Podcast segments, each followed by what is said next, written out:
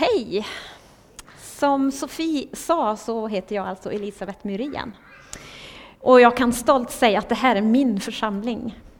Eh, finner sån styrka och kraft i att få tillhöra en församling som den här. Och så vill jag också tacka för förtroendet att få dela ordet med er idag. Eh, jag har valt att sätta rubriken Att hitta vilan i Gud.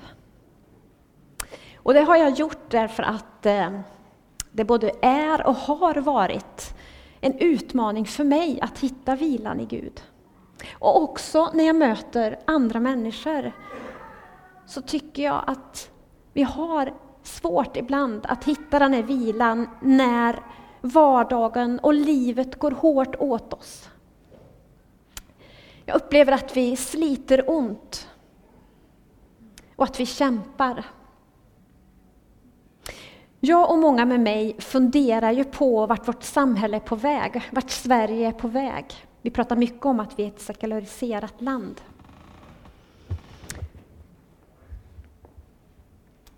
Och då går min tanke till Jesus. Jag tänker på hur han ser på oss. Vad han tänker på när vi varje dag kämpar, när vi oroar oss. Han vill ju inte ge oss något annat än av sin frid. Ja, jag upplever som sagt själv att det är lätt att dra in, dras in i det här nätet av, av stress, av ängslan, av oro och känslan av otillräcklighet. Oron eh, är ju skadlig för dig och mig, det finns det vetenskap på. Oron gör att vi om vi oroar oss för framtiden så gör oron att vi inte ser eh, nuet. Att vi inte kan ta del av den gåva som den här dagen är. Oron tar ju energin från oss. Den dränerar oss.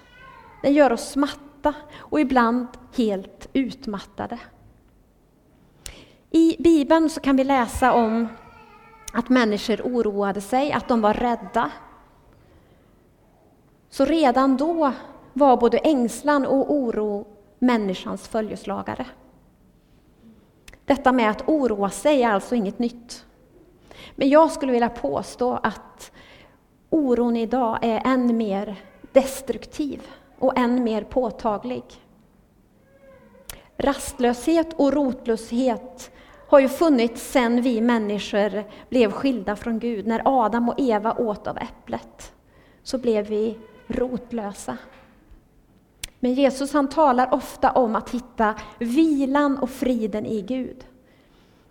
Att det är den stora pusselbit som fattas oss människor, som fattas i vårt djupaste inre. Men hur gör man då? Hur kan man tänka?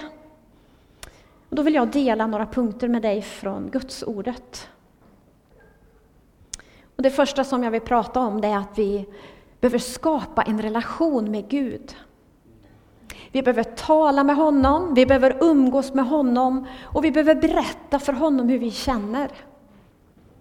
Att ha en relation med någon, det innebär om man söker på synonymer, att ha gemenskap eller att ha ett känslomässigt förhållande.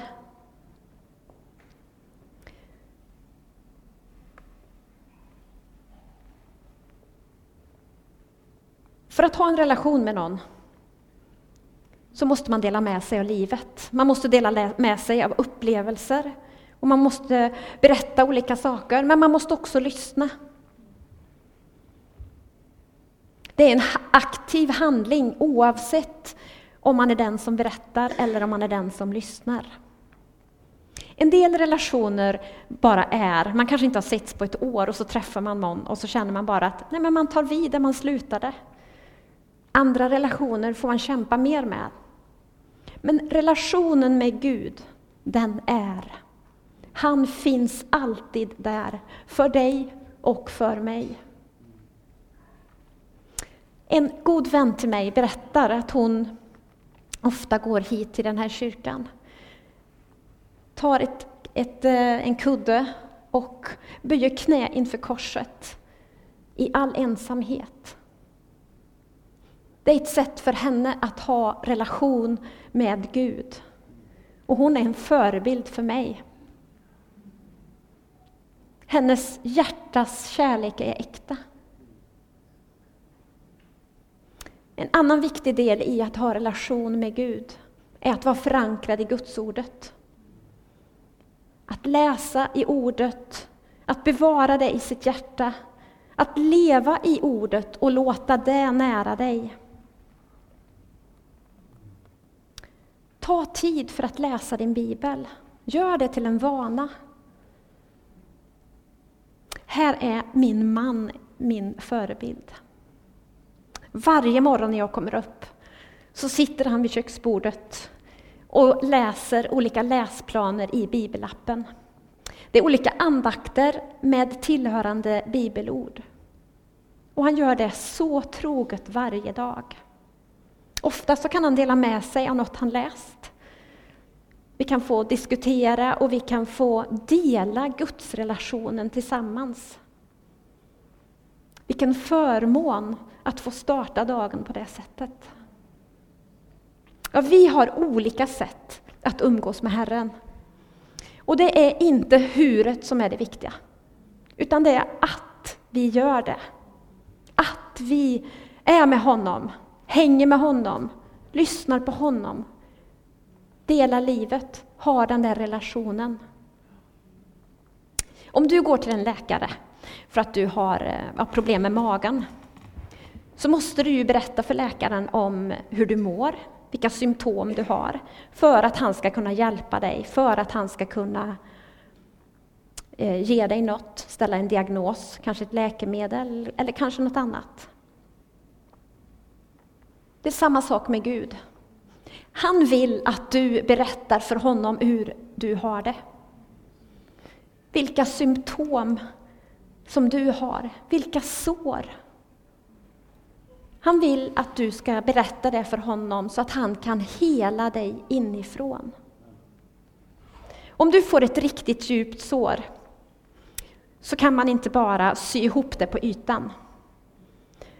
Då kommer det att samlas bakterier och vita blodkroppar som till slut blir en stor mängd var. Och då kommer det här varet att spränga upp såret. Såret måste läka inifrån, i djupet, för att kunna läka ut helt och hållet. I Filippus så läser vi i kapitel 4. Oroa er inte för någonting, utan be till Gud om allt. Tala om för honom vad ni behöver. Och glöm inte att tacka honom, då kommer Guds frid som är långt underbarare än vad vi kan förstå. Att ge era tankar och ert sinne ro och skydd genom tron på Jesus Kristus. Att vara fri i Jesus. Att vara fri, det är att ha frid även när det stormar. Frihet är att låta sig tröstas av Jesus. I Matteus 11 står det, Kom till mig så ska jag ge vila åt alla er som arbetar hårt och stapplar under tunga bördor. Gå in under mina villkor och låt mig undervisa er. Jag är mild och ödmjuk. Hos mig finner ni det som ger er ro och vila. Och jag tvingar inga tunga bördor på er. Det Jesus utlovar är frid med Gud. Frid i vårt djupaste inre. Frid att möta vardagen. Vad Jesus vill ge av sin frid och sin tröst för att vi ska orka ta oss an vardagen, möta de problem som dyker upp. I första Petru brev så kan vi läsa Låt honom få ta hand om alla era bekymmer och alla era sorger, för han vill alltid ert bästa. Han vill ge oss frid, även i stormen. Han är vårt fasta ankare. Den andra punkten jag vill lyfta här idag är tacka Gud. Tacka Gud och glädje i honom. Jag fick ett måndagspepp sänt till mig eh, av en av mina medarbetare. Och det peppet handlade om hur Harvard-professorn Teresa Amebile upptäckte en väldigt intressant sak när hon och hennes kollegor forskade på eh, motivation och mental hälsa. Och det visade sig att människor som registrerar små segrar i vardagen, small wins, både mådde bättre och lyckades bättre än de som bara jagade de stora vinsterna, the big wins, eller de som bara fokuserade på alla små dagliga bakslag. Hon märkte att om du och jag registrerar små framsteg i saker som är viktiga för dig, så kan det boosta vårt inre mycket mer än vad man tidigare trott. Och din mentala hälsa stärks. Det är bättre att söka många små vinster än att jaga de stora. Det som däremot händer om du har för vana att registrera små dagliga förluster, så har det en större negativ effekt på din mentala hälsa än den, än den positiva effekt som de små vinsterna har. Det här innebär ju inte att vi ska strunta i dåliga saker, utan bara hålla mer fokus på framsteg istället för bakslag. Att tacka och glädja sig i Herren, det skriver Paulus om för 2000 år sedan.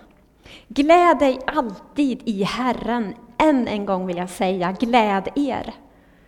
Gör er inga bekymmer, utan när ni åkallar och ber, tacka då Gud och låt honom få veta alla era önskningar. Då ska Guds frid, som är mer värt än allt vi tänker, ge era hjärtan och era tankar skydd i Jesus Kristus. Gång på gång slås jag av och förundras av Bibelns alla hemligheter och alla djup. Det här pratade Petrus om för 2000 år sedan. Och nu kan också vetenskapen styrka det. För Gud har ju skapat oss. Han vet vad som är bäst för dig och mig. Teresa hon tittade ju på hur människan eh, och hur hon påverkas av sina egna tankar. Men hur mycket större blir det inte då när vi kan tacka vår Herre? Vad händer med vår mentala hälsa då?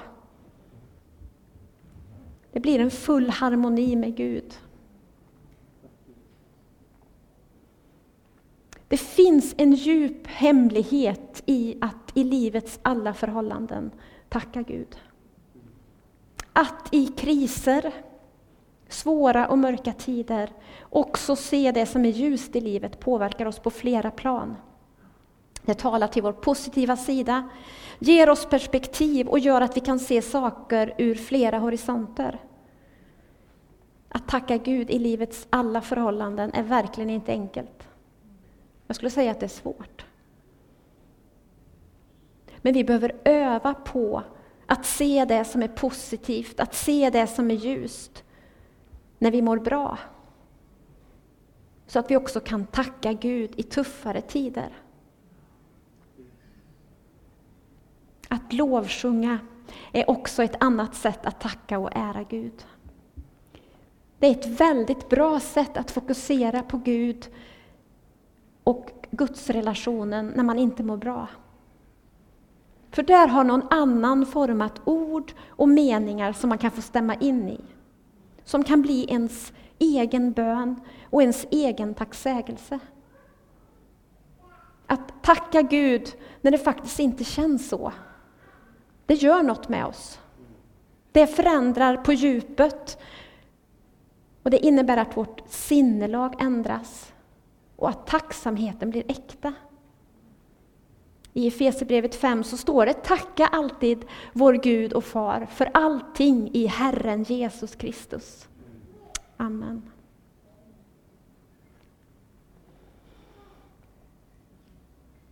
Nästa punkt handlar om att vara uthållig och ha tålamod.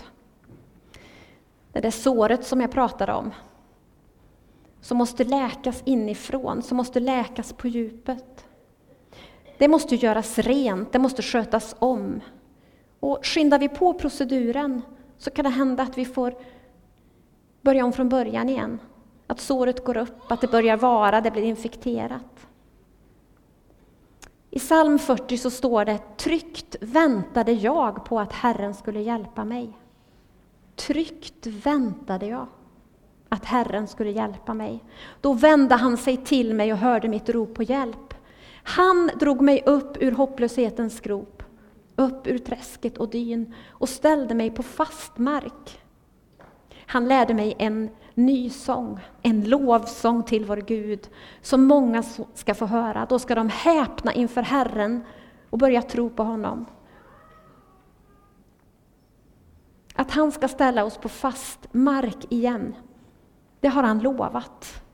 Och han sviker inte ett löfte. Men tålamod och uthållighet, det är något som vi i dagens samhälle, skulle jag säga, lider brist på. Vi är vana vid snabba uppkopplingar och får vi vänta på att internetsidan ska laddas upp så nej, då kan det nästan kvitta, då söker vi en annan sida. Om vi smsar eller mejlar någon så blir vi jätteförvånade om vi får vänta på ett svar. Ja. Vi söker omedelbar tillfredsställelse. Och vi är ständigt tillgängliga för allt och alla. Och jag tror att den här tillgängligheten och det här brist på tålamod och uthållighet rubbar oss betydligt mer än vad vi förstår. Guds perspektiv är ju något helt annat.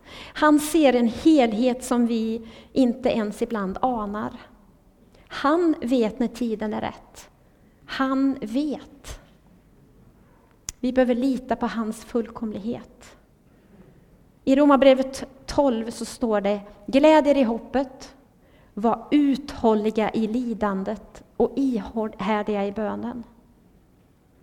Vi behöver lära oss att när vi lämnat över bekymmer och oro, när vi har kommit till Herren med våra misstag och bildligt talat lämnat vårt livs ryggsäck med alla tunga bördor, ska vi inte gå tillbaka och börja plocka där i och ta med oss de här misstagen och bekymren tillbaka igen.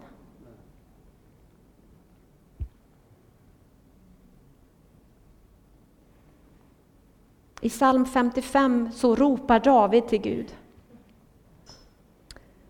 Herre, hör mig, lyssna till mig, jag suckar och gråter under min börda.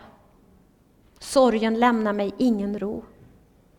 Och så kan han ändå avsluta salmen med Kasta din börda på Herren, han ska sörja för dig. Gud renar, Gud förlåter. Han lämnar våra misstag i glömskans hav. Men gör vi?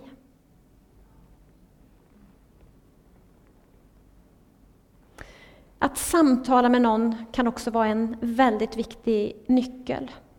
Att öppna sig för en medmänniska som man har förtroende för. Att berätta om sina sår, om sin kamp och sina misstag kan vara en del i att läkningen startar. En del i att komma vidare är att höra sig själv sätta ord på vart man är någonstans, vad man står i, vad man kämpar med. I vår församling finns det goda samtalet. Det finns det medmänniskor som gärna lyssnar till dig och din berättelse. Medmänniskor som har tystnadsplikt. Och om du vill komma i kontakt med en sån medmänniska så finns det på vårt runda bord eh, ett litet kontaktkort som lotsar dig vidare. Det är en möjlighet om du så själv vill. Och ibland så behöver man också söka professionell hjälp. Att få verktyg att hantera kriser, att hantera oro och ångest. Och då vill jag säga till dig att det är inget nederlag. Gud är med i det också.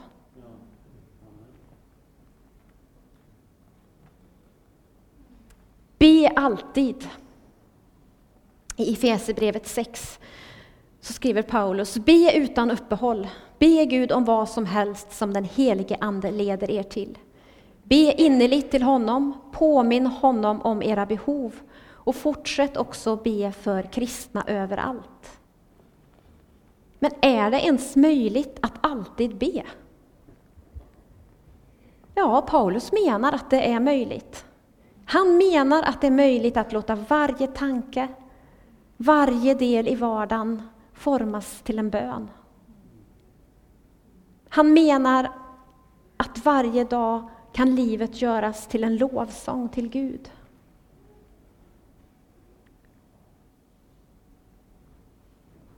Han menar att vi kan förvandla våra bekymmer till en bön.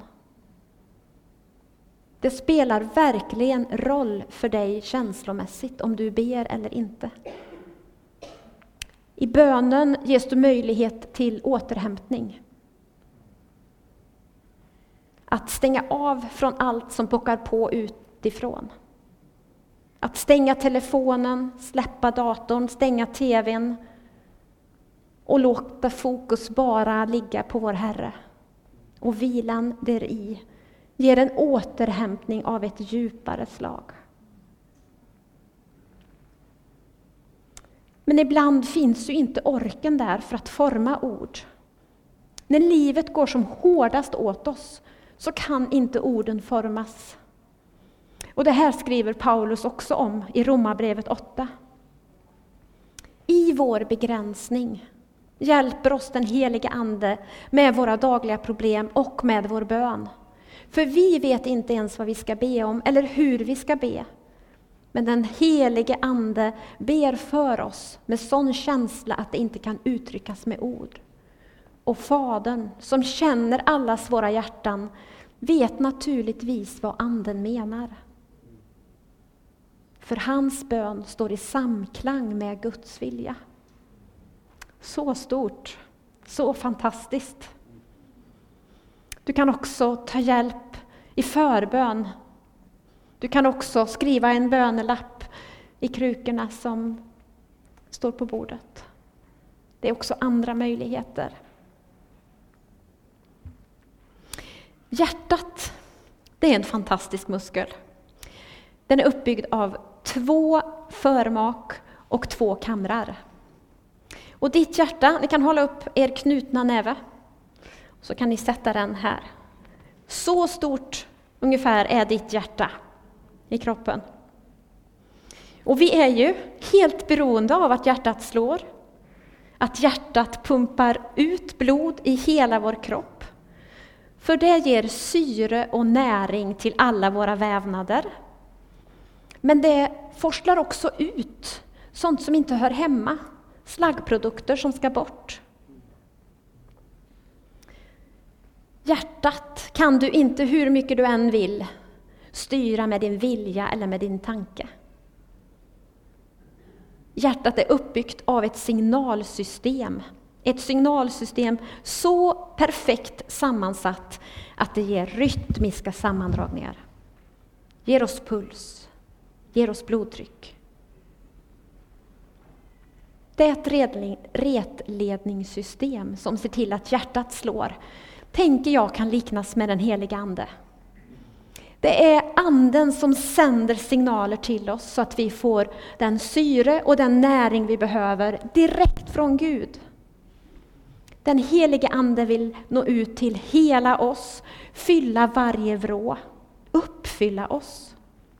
Och Anden vill också rena oss från sånt som inte hör hemma hos oss. Även detta retledningssystem fungerar i dig och mig oavsett hur vi känner oss. Det talar till oss och viskar hemligheter. Vi kan inte klara oss utan, vårt, utan våra hjärtslag. Men vi kan inte heller klara oss utan den heliga Ande i våra liv, varje dag, varje stund. Låt dig ledas av den helige Ande även i tider av oro. Andens uppgift är ju att alltid peka på Jesus. Anden gör Jesus närvarande och utan Anden kan vi inte förstå vem Jesus är. Anden vill pumpa ut Jesus i hela vårt väsen, i hela vår personlighet och fylla hela vårt sinne. Liksom hjärtat har en arbetsfas, så har det en vilofas. Och så vill också Anden verka i oss. Vi behöver vilofasen för att orka i arbetsfasen. Och det vill han ge oss. Anden lär oss allt och påminner om Jesu egna ord. Frid lämnar jag kvar åt er. Min frid ger jag er, jag ger inte det som världen ger. Känn ingen oro, tro på Gud och tappa inte modet. Den helige Ande är en hjälpare och en tröstare som berättar hemligheter från Gud som gäller idag. Att vara ledd av den helige Ande är att ledas av Gud själv.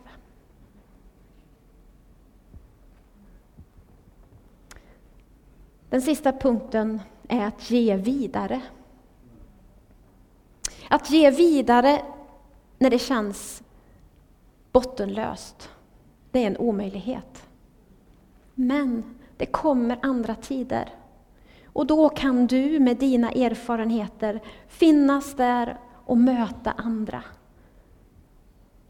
Du kan ge av dig själv och berätta om dina erfarenheter av Gud för att ge hopp och ge ljus in i någon annans bottenlösa förtvivlan.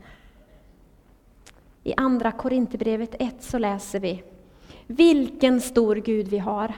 Han är vår Herre Jesu Kristi far.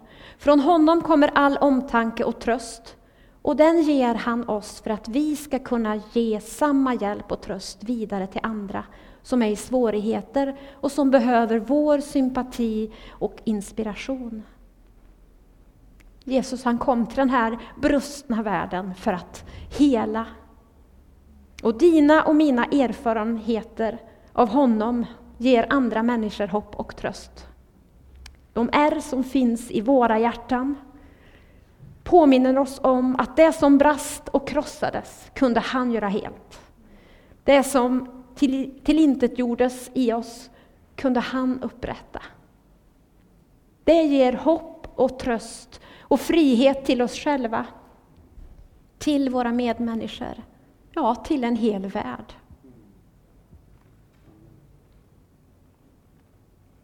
Som botten i alla punkter så ligger kärleken. En stadig grund som ger livet en botten. I Jesus Kristus personifieras kärleken. Kärleken utgår från honom, strålar från honom och i alla hans relationer, i alla hans möten med människor, i alla hans gärningar och handlingar ligger kärleken som grund och som motiv. Jesus har alltid ditt och mitt bästa för sina ögon. Vi kan vila i honom, för han älskar. Vi kan vila i honom utan krav på motprestation. Vi kan vila i honom, för han är vår skapare. Och vi kan vila i honom, för han är tilliten och tryggheten. Vi kan vila i honom, för han är trofastheten och sanningen. Vi kan vila i honom som är ljuset. Vi kan vila i honom som är livet. När vi inte orkar kan vi vila i honom.